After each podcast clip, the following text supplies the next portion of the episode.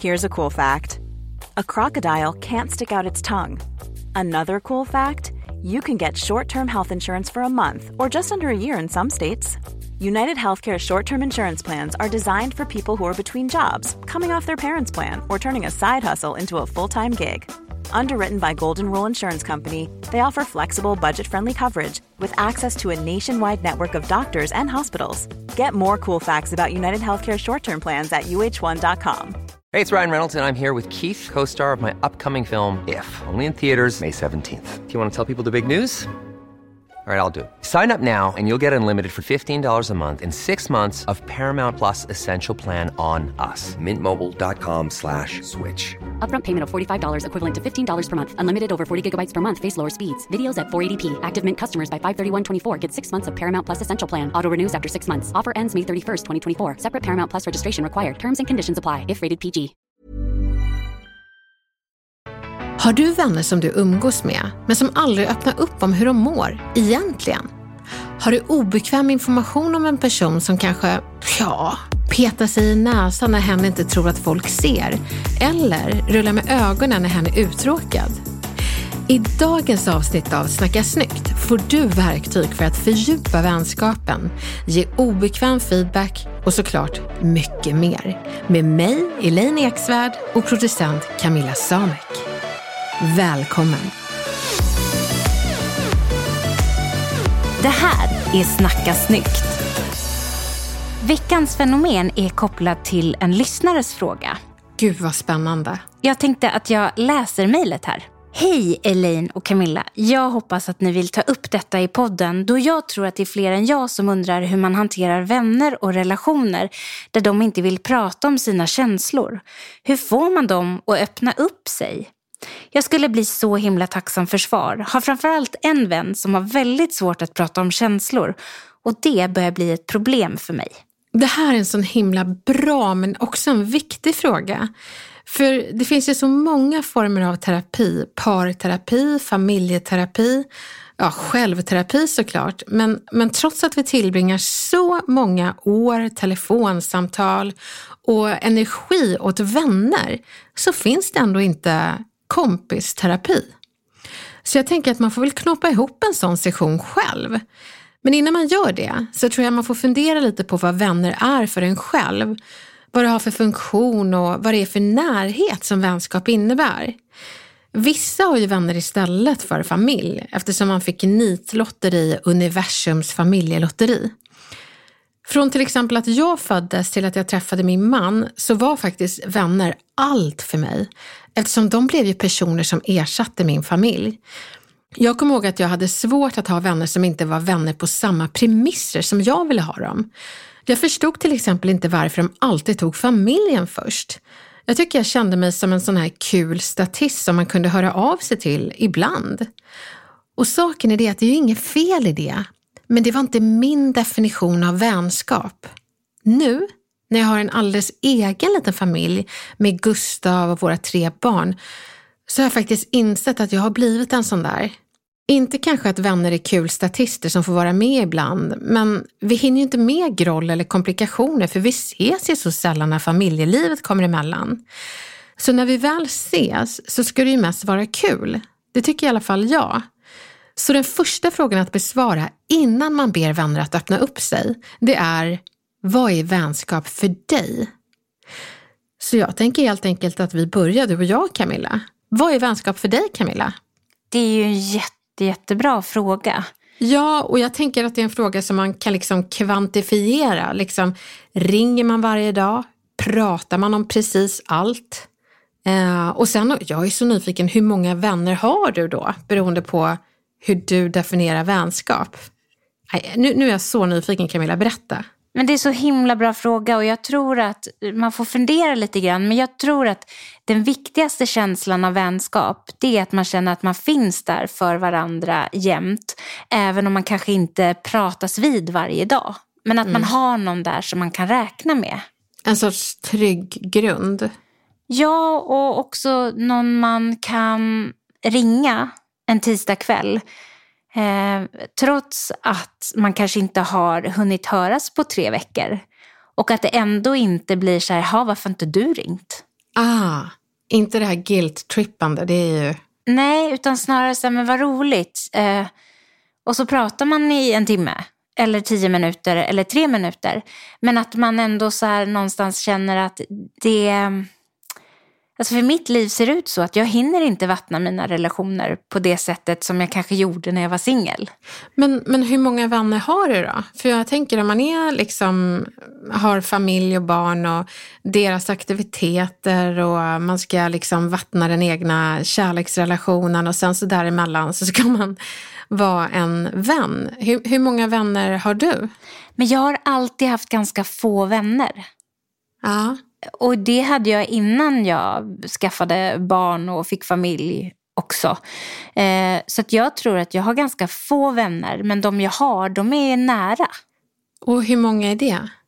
Nej, men jag tänker att det är lite under tio Lite personer under tio. Som, som är mina närmsta. Okej, så det är liksom din kärna av vänner, ungefär tio, under tio personer. Ja, men det skulle jag säga. Men vad är vänskap för dig då? Ja, men jag skulle nog säga att det är precis så som när man har dejtat ett tag. Först så gillar man ju personen, sen blir man förälskad, kär och sen så älskar man varandra om det går så långt. Och jag tänker att motsvarigheten till vänskap för mig, det skulle jag säga är olika cirklar av närhet. Där den liksom yttre cirkeln, där, där finns alla de bekanta. Och det är väl de som jag tror har liksom trillat bort under pandemin. Um, cirkeln efter det som kommer närmare kärnan, det är liksom goda bekanta som man kanske inte ringer alls. Men när man träffar dem på stan så bubblar man ut i glädje och bara “Gud vad kul att ses!” Och så kanske man inte säger när vi ska ses igen, utan det får bli när det blir, men det är alltid roligt när vi springer på varandra. Cirkeln efter det skulle jag säga är kompisar. Och kompisar träffar man och gör saker med, men jag tror inte att man anförtror saker till dem, utan det kanske är paddelgänget eller eh, salsagänget. Jag tycker alla på min afrobeat som jag dansar flera gånger i veckan, det är mina kompisar. Jag tycker de är helt underbara. Men vi ringer inte varandra på fritiden, men vi har gemensamma intressen och träffas regelbundet, alltså varje vecka. Och sen den innersta cirkeln, det är där jag tycker vänner är. Och jag har ju slutat med bästa vän för att jag tänker att alla mina vänner är mina bästa vänner. Och jag skulle säga att jag har inte så många vänner. Men eh, de som jag kan räkna på en hand, de ringer i alla fall upp tre gånger i veckan. Det är liksom den frekvensen, men det kan gå ehm, en vecka kan jag tänka mig. Eh, eller, ja, eller så kan det också gå några månader, det beror på vem. Det är väl en av de här få vännerna som man ringer Eh, lite mer var och varannan dag. Och vi pratar ju om allt. Alltså sexliv, karriär, mående, barnen och livet på det stora hela. Och framförallt så är känslor, de är alltid inblandade. Men eh, jag skulle säga ja, fem eller färre vänner har jag. Och det där är ju så himla intressant hur man definierar det, för alla relationer inom den här vänskaps, alltså den innersta vänskapscirkeln kanske man inte heller pratar likadant med. Man kanske inte förväntar sig samma sak Nej. av alla. Men, men personen som skrev in till oss, hon måste ju då kanske fråga sig själv vad förväntar hon sig av sina vänner? Och kanske just av den här specifika vännen som inte öppnar upp sig. Ja men precis. Och jag tycker det är någonting alla ni lyssnare kan göra, att göra sådana här cirklar av vilka som är vad och vad man liksom eh, förväntar sig av de personerna. Och, och, jag vet inte om vår lyssnare som ställde den här riktigt bra frågan, om, om hon syftar på en bekant, nära bekant, kompis eller kanske vän. Beroende på vem hon syftar på så är det lite olika förväntningar. Och den där äh, personen som inte vågar visa känslor, den personens definition av vän är kanske vad du definierar som en god bekant eller kompis. Man kanske har olika definitioner. Så där kan det faktiskt vara värt att fråga med en sorts uppskattning inbakat så att du inte klagar på den här personen utan mer frågar nyfiket vad, vad er relation är. Så jag tänker att meningen kan vara så här och självklart alltid på ditt sätt. Jag uppskattar verkligen dig som person och jag känner att jag kan prata om precis allt med dig. Men jag undrar hur du känner över vår vänskap. Vi gör ju så mycket kul saker, men jag kommer på mig själv med att inte veta så mycket om hur du mår eller hur saker går där hemma. Jag, jag upplever liksom inte att du pratar så mycket om känslor. Jag vet inte, hur tänker du? Sen kan du låta personen berätta hur hen ser på saken. Och för att svara på frågan kring hur man får en vän att öppna upp och prata känslor så är det ju faktiskt två saker som behöver finnas där. Dels tillit såklart. Personen behöver ju lita på dig och att du försäkrar eh, din kompis, vän, bekant eller vad det nu än må vara, att eh, hen kan lita på dig. Men sen också att man försäkrar den här personen att alla dagar behöver inte vara tipptopp. Det är okej. Okay. Man får berätta att det inte är tipptopp. Så då tänker jag att du ska ha en mening för den där alltid glada kompisen som man inte riktigt vet hur hen mår egentligen. Då kan du säga Först vill jag bara säga att du kan lita på mig och allt du säger stannar hos mig. Sen vill jag bara säga att du behöver inte ha bara bra dagar när vi ses, utan har du en riktig skitdag, så se mig som en vänskaplig avfallskvarn. Du får berätta hur du mår och känner, även när du mår dåligt. Jag kan ta det. Den är ju fin. Eller hur? Och vad händer då om den här kompisen ändå inte ger det svaret som man kanske hoppas? Att man, om man hoppas att den här personen verkligen vill öppna upp och vågar det då, eftersom att man har någonstans bjudit in till det. Mm. Om personen ändå inte gör det, kommer det skada relationen på något sätt? Nej, men jag tror bara att man får ha en relation på olika premisser. Jag tänker att det är precis som en kärleksrelation. Som till exempel jag och Gustav. Jag menar, jag pratar ju alltid superlativ och ger honom massa komplimanger, men jag måste förstå att han uppskattar mig ändå, trots att han liksom uttrycker det på ett annat sätt. Och det är samma sak med vänskap, att alla behöver inte uttrycka vänskap på samma sätt som du. Och det kan vara så att den allra närmsta vännen man har är ens partner och alla andra är kompisar. Så ibland är det bara olika där och då, då tror jag verkligen att det är bra att acceptera det och förhålla sig till det. Och så länge du litar på din vän så är det helt okej att du öppnar upp och hen inte gör det. För då har du ju någon som ändå vill träffa dig trots att det är du som tar all känslotid. Det är lite lyxigt när man tänker på det egentligen. Jag hoppas verkligen att ditt förarbete kring vilka som hamnar i dina olika cirklar av bekanta, goda bekanta, kompisar och vänner blir tydliga för dig. Men också att du får reda på var i cirkeln du hamnar till den här personen som du önskar öppnar upp. Ibland kan det vara så krasst att hen ser dig som en kompis istället för en vän och du ser hen som en vän. Ja, men då har ni olika förhållningssätt till varandra och lyckas umgås ändå då får du nog sänka dina förväntningar på hur mycket hen kommer att öppna upp sig, men ändå vila i att det verkar gå bra att du är den som öppnar upp dig själv. Ni är lite same same, but different. Tycker om att umgås, men på olika premisser. Hoppas att du åtminstone får personen att öppna upp om hur hen ser och förhåller sig till dig. Lycka till och tack igen för en sån bra fråga. Det snackas alldeles för lite om vänskap.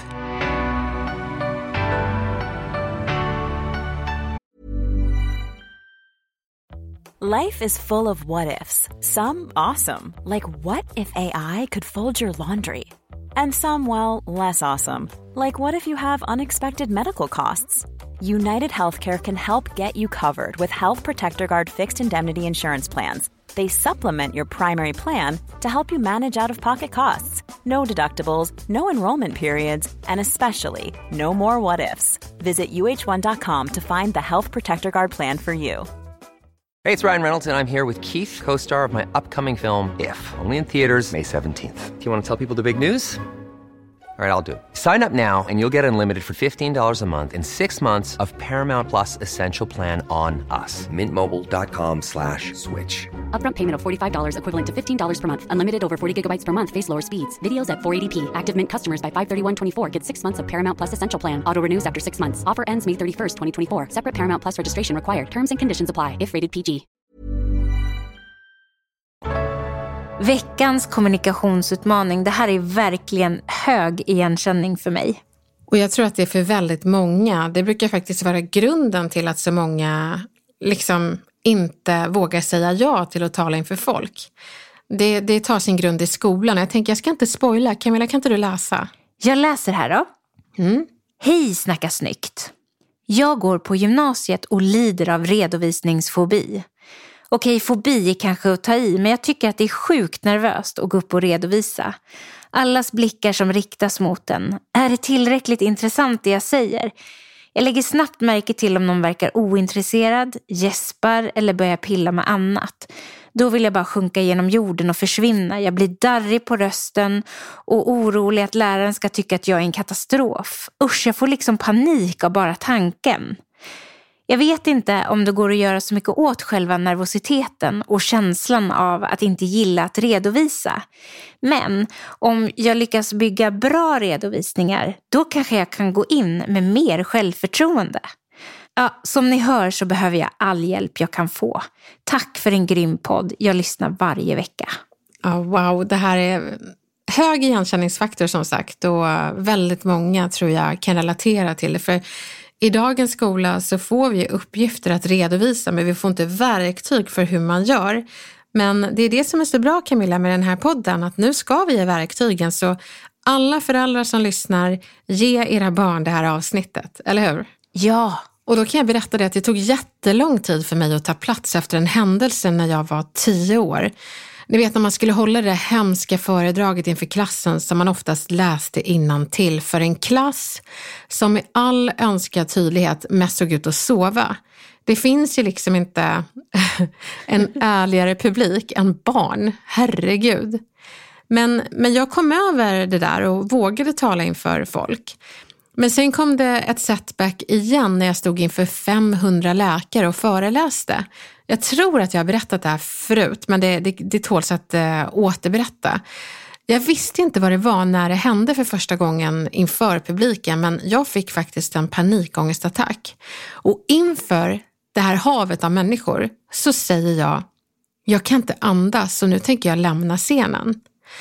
Och sen lämnade jag scenen mitt i föreläsningen som var långt ifrån klar. Och jag, jag kommer ihåg hur de satt kvar och bara tittade efter mig med stora ögon och bara, ingår det här i föreläsningen? Kommer hon komma tillbaka och säga, skoja bara? Och jag önskar att jag hade kommit tillbaka och sagt det, men det gjorde jag ju inte. Den här händelsen tog ju mycket längre tid att komma över. Men, men sakta och säkert så lärde jag mig att ta plats igen, bland annat med såklart kognitiv beteendeterapi och komma över panikångesten. Men vår lyssnare idag, det känns ju mer som att det är en ängslan och oro och den är ju väldigt vanlig. Så jag tycker du som har ställt frågan ska fundera på är varför du är rädd för att ta plats och vilken händelse som har gjort att du har blivit lite senrädd. För det är nämligen så att studier visar att vi minskar stressen radikalt när vi skriver ner allt vi behöver göra för dagen. Då tar vi ut allt som surrar i huvudet och skriver ner det på ett papper så att vi ser vad som stressar oss. Och det ger en känsla av kontroll och översikt som man gärna vill ha. Samma studier visar att ångest minskar när man skriver ner sina farhågor och rädslor. Jag utvecklade ju daglig panikångest av händelsen på scenen inför de här 500 läkarna och jag kände att sätta mig bakom kassan på Coop, det kändes som en jättebra idé. Inte för att jag ville, utan för att jag hade blivit rädd för att göra det jag jobbar med, tala inför folk. Så det du ska göra för att få översikt på det som hämmar dig från att ta plats och ordet i klassrummet, det är att skriva ner rädslorna. Vad gör dig rädd för att prata? Och vad kan gå fel? Vad är det värsta som kan hända? Om du skriver ner rädslorna så kommer du få en känsla av kontroll. Det är en jättebra början, för det är mycket värre att ha sina rädslor i kroppen och i knoppen. Det är bättre att se ner på dem i ditt anteckningsblock i luren. Gör det nu till och med. Lider du av blyghet så skriv ner vad som gör dig rädd för att ta ordet. Jag tycker till och med att du kan pausa podden några minuter för att få koll på dina rädslor. Gör det nu och skriv ner dem. Då får du kontroll. Sen fortsätter vi.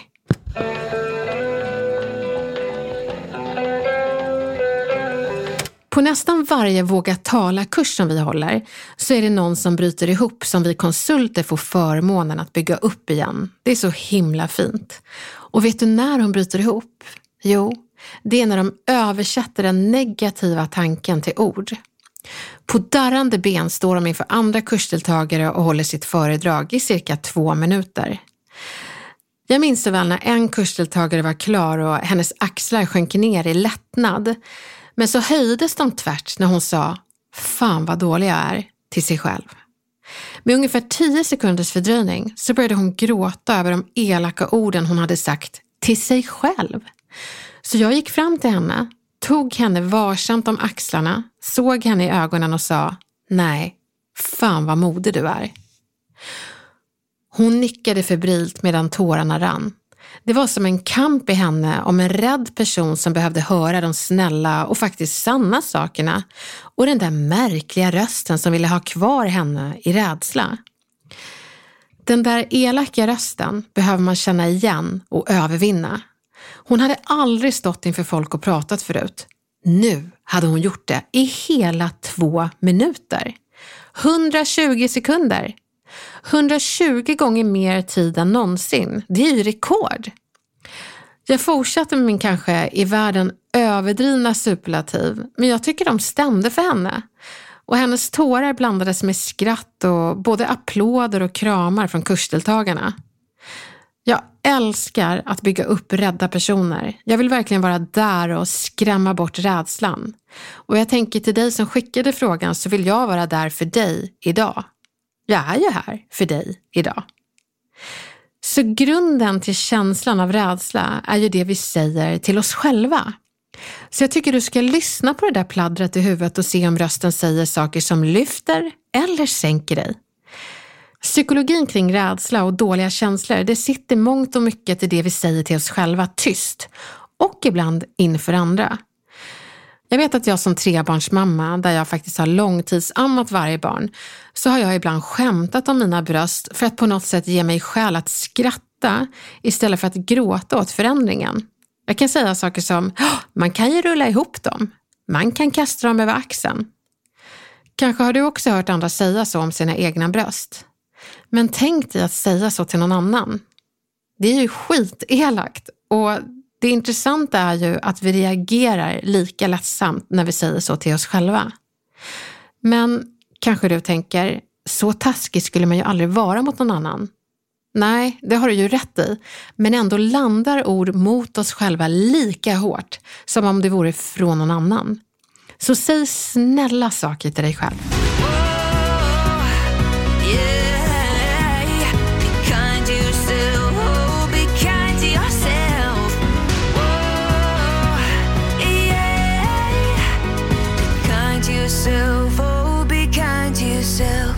Nu ska du få verktyg till hur du fixar föredraget i skolan nästa gång.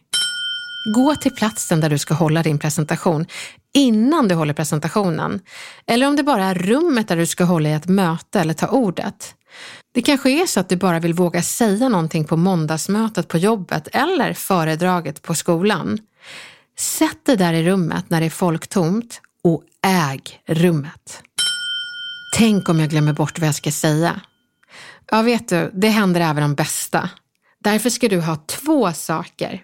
Du ska ha ett stolpat manus som ger dig övergripande koll på det du ska säga, men som inte är något man kan läsa av innan till. Det är inte bra med massa skrift, det kommer bara göra dig nervös. Det andra du ska ha, det är lite diskussionsfrågor. Så du ger publiken eller sammanhanget fokus och ordet så att du kan hitta tillbaka till ditt. Det blir som mikropauser mitt i ditt föredrag, att du säger, hörni, nu har ni en fråga ni kan diskutera, vänd dig till grannen. Och vet du, då slipper du fokus i några minuter och bara kan hämta andan. Och är det inte en presentation utan bara ett vanligt möte eller kanske att räcka upp handen i klassrummet, skriv ner vad du skulle vilja säga så den där fusklappen blir din livlina i potentiella blackouts. Du kommer inte ha några blackouts, men ändå, det är för din trygghet. Avslappningstips. Gäspa i ett enskilt rum innan du gör presentationen. Det hjälper dig att slappna av. Drick lite vatten, men om du blir muntorr så är det faktiskt inte hela världen. Och låt det där pappret med stolpar ligga på ett bord framför dig så att det inte ligger i en darrande hand. Sen kan du göra sådana här Winhoff-andningar innan presentationen. Det hjälper en att hantera ångest och lugna ner sig. Winhoff, W-I-N-H-O-F. Googla det, du kommer hitta massa bra andningsövningar. Börja med en story. Om du börjar med storytelling och en erfarenhet så tvingar du din hjärna att gå från den där nervösa situationen till att faktiskt leva dig in i den där berättelsen som du delar. Och det som händer då det är att publiken hamnar precis där i berättelsen. Och voilà, så är de där första, oftast jobbigaste minuterna borta. För du ägnar den första minuten åt storytelling. Avsluta med att berömma dig själv. Oavsett hur det har gått, så säg jag gjorde det, jag var modig. Så borde alla tänka, oavsett om det gäller att de blev nobbade drömjobbet eller drömdejten. Du var modig som vågade söka jobbet, fråga om dejten. Du var modig som vågade tala och hålla det där föredraget. Bara det är värt att fira. Så avsluta alltid med att berömma dig själv. Testa! Det blir aldrig så dåligt som första gången du tar ordet i ett nytt sammanhang. Häng inte läpp över hur det gick, utan fira den där segern som första tillfället är. En seger över rädslan. Du har börjat ett nytt spår av mod i hjärnan och det är början på ett nytt härligt landskap du ska hämta kraft i många gånger i ditt liv. Jag hoppas du känner att du har några verktyg för att våga hålla det där föredraget inför klassen nu. Går inget vidare så häng inte läpp över det. Fira att du vågade och gör om och gör tio gånger bättre nästa gång. Det kommer fler chanser. Se till att ta dem. Stort lycka till! Vad fan säger man? Elin, får jag dra en lapp idag? Ja! Till vad fan säger man? Ja, då gör jag det här. Kör hårt. Mm, då läser jag då. Jag har en kollega som ofta pillar sig i näsan. Nej men gud. Oj. ja, nej, skärpning. Um. Jag har en kollega som ofta pillar sig i näsan på våra möten, digitala som fysiska. Det är som att han tror att han inte syns att det är diskret. Men jag kan inte sluta stirra på honom och undra vad han ska göra av det som kommer ut ur näsan. Han är en bra och härlig kollega i övrigt. Men detta näspillande måste ju få ett slut. Jag tänker att det måste finnas något smart att säga till honom. Om inte för alla andras skull, så för hans egen. Åh gud vad jobbigt. Camilla, hade du vågat säga någonting? Nej, absolut inte. Jag tyckte det var jobbigt bara att läsa. Ja, jag märkte det. Jag tycker det var väldigt kul att du fick den här lappen. Men, men jag tänker det att, att berätta för dem på ett bra sätt och så här omtänksamt sätt, att det, det märks. Och jag tänker att det här kan man hantera ganska enkelt, bara en mening som jag tycker att, att eh, vår lyssnare ska säga.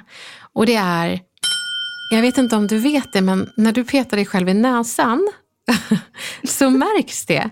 Det händer säkert omedvetet, men jag berättar det för jag bryr mig om dig och vi har alla grejer för oss som vi inte tror märks. Mm. Vad hade du? Du hade, du hade hellre studerat snorkråkorna som flyger ut va? Nej, jag vet inte vad jag ska säga. Jag vet inte vad jag tycker. Jag tycker bara det här är så otroligt jobbigt.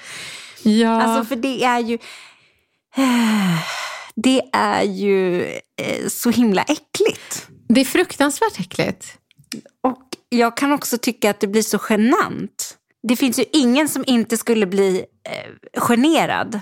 Nej. Om man sa att man har märkt men att personen du... i fråga pillar sig i näsan. Nej men precis, men jag tänker så här, du som är så omtänksam och, och den här personen är ju genant i sig själv när han pillar i näsan. Så då tänker jag att det är bra att säga någonting för då räddar ju du honom från att genera sig själv fler gånger. Eller hur? Ja, men du har helt rätt i det. Det är klart att vi ska hjälpa honom att sluta pilla i näsan på mötena. Det är självklart. Och är man omtänksam så, så vill man hjälpa till. Men det här är svårt. Ja, för det är ju längre ut på skalan än eh, liksom ha gylfen öppen. För det har du väl inget problem att säga till folk? Nej. Nej, och du har inget problem att säga om jag har liksom ett salladsblad över framtänderna? Nej. Nej, och det här, det, det finns ju en skala, grader av liksom genans i uh, snorhelvetet. Och då tänker jag, det här ligger ju ganska långt ut, det är ännu längre ut. Det skulle väl vara någon som lägger smygpruttar och tror att ingen hör eller känner. Det, det, jag hoppas att inte sådana kollegor finns, men, men det här är lite längre bak. Det är i alla fall inte pruttar, så kan man ju tänka. Då kanske man samlar lite mod. Jag tycker typ att det här är lite same same faktiskt. Ja, det kanske är prutt, pruttnivå liksom. Skulle ett alternativ kunna vara att man börjar harkla sig så att man får ögonkontakt och visar att du, jag ser vad du håller på med? Det är en jättebra grej och då kan man i kroppsspråket visa att man pillar i näsan. Och så ler man lite och tittar bort. Typ att det där tycker jag att du ska sluta med. Ja, du gör det i ditt kroppsspråk. Och, och sen så tittar du bort för att inte titta tillbaka. Men jag, jag tror att den här personen kommer notera att eh, ah, det är noterat. Det märks att jag pillar i näsan. Och då har du sagt det med kroppsspråket. Och Camilla, kroppsspråket är den största delen av vår eh, kommunikation. Så det är ett jättebra alternativ du har här. Om man inte orkar säga lämna snorkråkorna i buren, är du snäll. Men, men till dig som frågar, du, du, får ju vara beredd på att du kommer säkert inte få glitter kastat på dig i glädje för att du eh, säger det märks. Nej, det är inte alltid ett leende eller ett genuint tack man får, utan precis som du säger Camilla, lite generade reaktioner. Men jag vet att innerst inne så puttrar den där tacksamheten att man får chans att hindra sig själv att göra bort sig igen. Så säg till för att du bryr dig om personen och vill slippa se snorkråkor flyga ut på mötet. Och inte för att du vill få en härlig reaktion. Jag är ledsen, den kommer inte. Men snorkråkorna, de kommer stanna i buren. Så ett stort lycka till och tack för en grym Vad fan säger man-fråga. Jag hoppas du känner att du har verktyg för att antingen hjälpa andra eller dig själv att äga det där föredraget på skolan eller ordet på mötet. Är du förälder, så ge dina barn det här avsnittet som en ljudlig goodiebag. Och för dig som önskar att dina vänner öppnar upp med känslor så hoppas jag verkligen att meningarna som jag gav dig ska ge er skäl att fördjupa vänskapen till det härligt färgglada korallrevet av känslor. Det är alltid lika kul att få vara er retorikexpert i vardagen. Ett varmt lycka till nu tills vi hörs nästa gång.